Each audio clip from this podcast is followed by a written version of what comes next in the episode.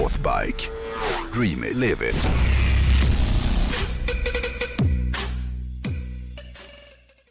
Du, eh, lite apropå eh, det vi snackade om i Delen med bilen den här veckan. Så tänkte jag i veckans avsnitt av Delen med hojen fortsätta på semestertemat faktiskt.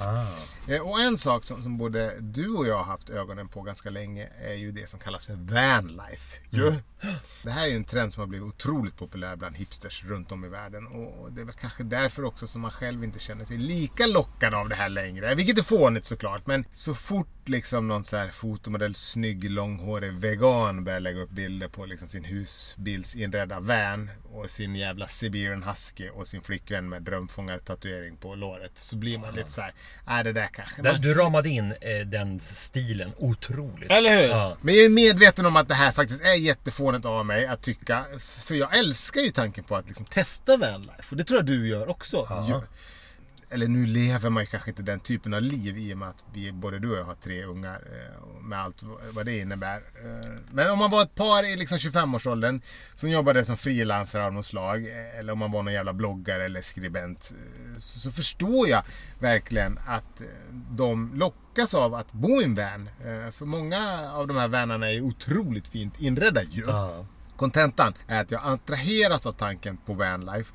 Och jag vet att det som sagt är ganska populärt just nu. Och av den anledningen så tänkte jag idag snacka om vilken hoj! Hojlife. Nej, mer alltså vilken hoj som skulle kunna vara den perfekta hojen att ha med sig, alltså bak på vanen. Om man väljer den här livsstilen då. så. Eh, eller om man kanske bara planerar att campa i sommar.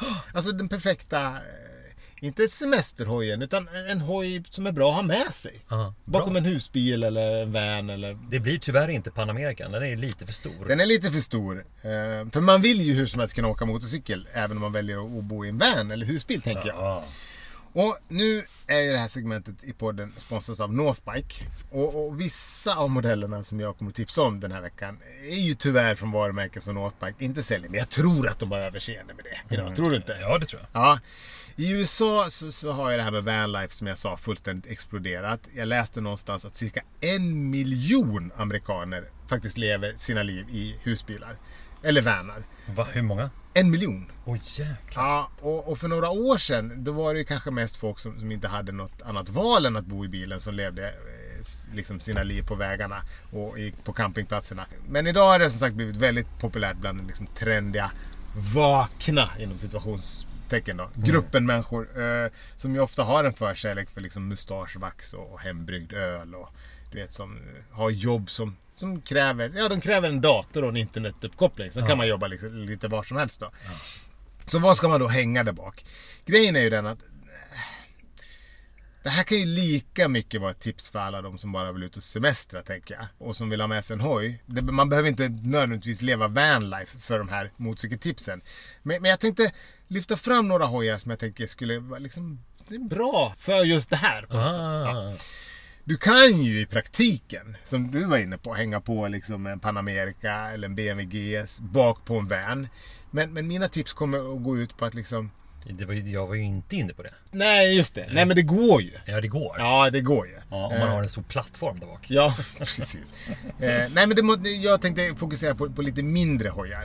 Eh, det, liksom, hojen får inte bli en belastning på semestern eller på, i livet. Utan det ska bara vara ett komplement och göra saker och ting bättre. Den första hojen som jag skulle vilja tipsa om, det är en Honda. Och det kommer bli mycket Honda eh, på den här listan. Eh, och det beror ju på att de har ju flera modeller som, som lämpar sig väldigt bra som vanlife-hojar eller som campinghojar. Plus att Honda bygger så otroligt pålitliga hojar. Och den här typen av, av motorcykel då, den får liksom inte krångla känner jag. Utan den ska kunna fungera nästan lite som en livbåt där bak på något sätt. Eller hur? Hojen som jag tänkte tipsa om först är jag lite osäker på om den säljs i Sverige överhuvudtaget. Men den är för bra för att inte vara med på listan och det är Hondas CT125. Och om man inte riktigt vet vad det är då så, så tänk er en hoj, ja men den typen av hoj som är väldigt populär i Asien. Det vill säga den här typen av motorcykel som ser ut som en större trampmoppe ungefär. Aha. Det vill säga att ramen påminner om en damcykel. Eh, Hondas CT125 är en offroad-variant på en sån hoj. Och jag tycker den är grym. Eh, det är verkligen en hoj, hoj som man liksom bör kunna ha med sig bak på en hoj. Eller på sommarstället på landet. Kolla, så här ser den ut. Ja. Men visst är den lite ball på Ja, något den sätt? är asiatiskt ful. Ja. Men den har någonting. Jag hittade en, en, en sån Ah, överlevnads, där överlevnadsversion ja, på ja. en sån. Mm. Men de är lite coola. Ja, verkligen. Honda CT 125. Den är fan så cool. Den är på något märkligt sätt så tycker jag att ja, den passar bra att hänga ba- bak på en... På en och framförallt din där på, på någon sån här overland eh, van skulle man ju ha en sån där. Ja. Eller hur? Så man kan åka in och handla och, och, om, man, om man är nära en stad. Skitsamma. Nästa år är också en Honda. Eh, Ja, och kan det vara? jag åka in och handla. Ja.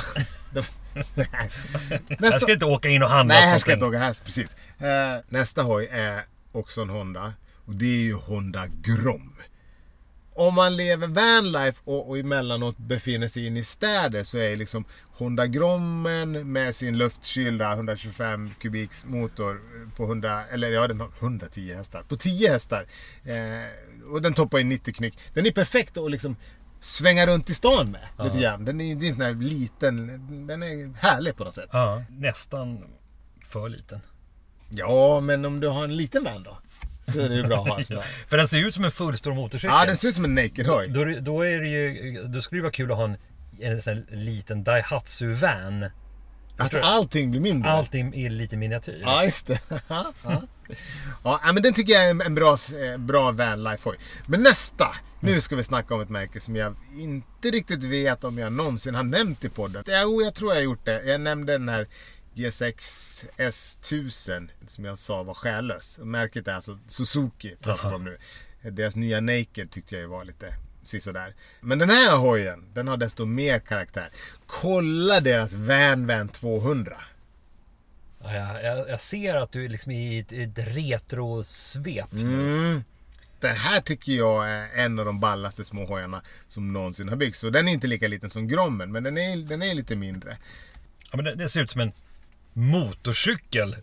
Ja, men pre- precis. Så, men, precis så som en gammal motorcykel. Den är skitball. Den, den har jätte, feta hjul. Jättefeta hjul har den. Uh, det är ju en hoj som är svår att få tag på, för Suzuki de tillverkar ju tyvärr inte de här längre. Uh, och jag tror inte att den såldes i Sverige, men jag är osäker. Men uh, om jag nu ska liksom försöka kora en av de ballaste campinghojarna så är det frågan om inte den här Suzuki Van Van är eh, en kandidat. Eller åtminstone en av favoriterna. För Den är skitball. Ja men om man nu ska prata om den perfekta vanlife-hojen, då blir det ju inte bättre om, om hojen dessutom heter Van Van. Nej. Som den här ju gör. Ja, den är otroligt ball. Men jag drömmer Vi, det var ju länge sedan vi pratade om eh, bil och motorcykelnamn. Ja. Men Van Van. Mm, ja, jag vet inte vad det kommer Det är ett jättekonstigt Van Van 200. namn. Van Van. jag drömmer ju som sagt om en Chevy Blazer Charlotte Camper. Och nästa hoj, det är den perfekta hojen att hänga längst bak på en sån. Men den passar naturligtvis lika bra på att hänga längst bak på en van. Vi har en god vän som har en sån här hoj. Men precis som alla andra hans fordon så, har han ju lyckats ta livet av den här lilla fina hojen. Vår mycket goda och mycket fina vän Kalle Breitholtz, han har ju nämligen en Yamaha TW 200. Nu har ju han i och för sig en TW 125 men den ser likadan ut då. Det är något, jag är otroligt avundsjuk på att han har en sån här. Och, och nu lindras ju min avundsjuka lite av att han dels är en 125 och att den som sagt inte fungerar.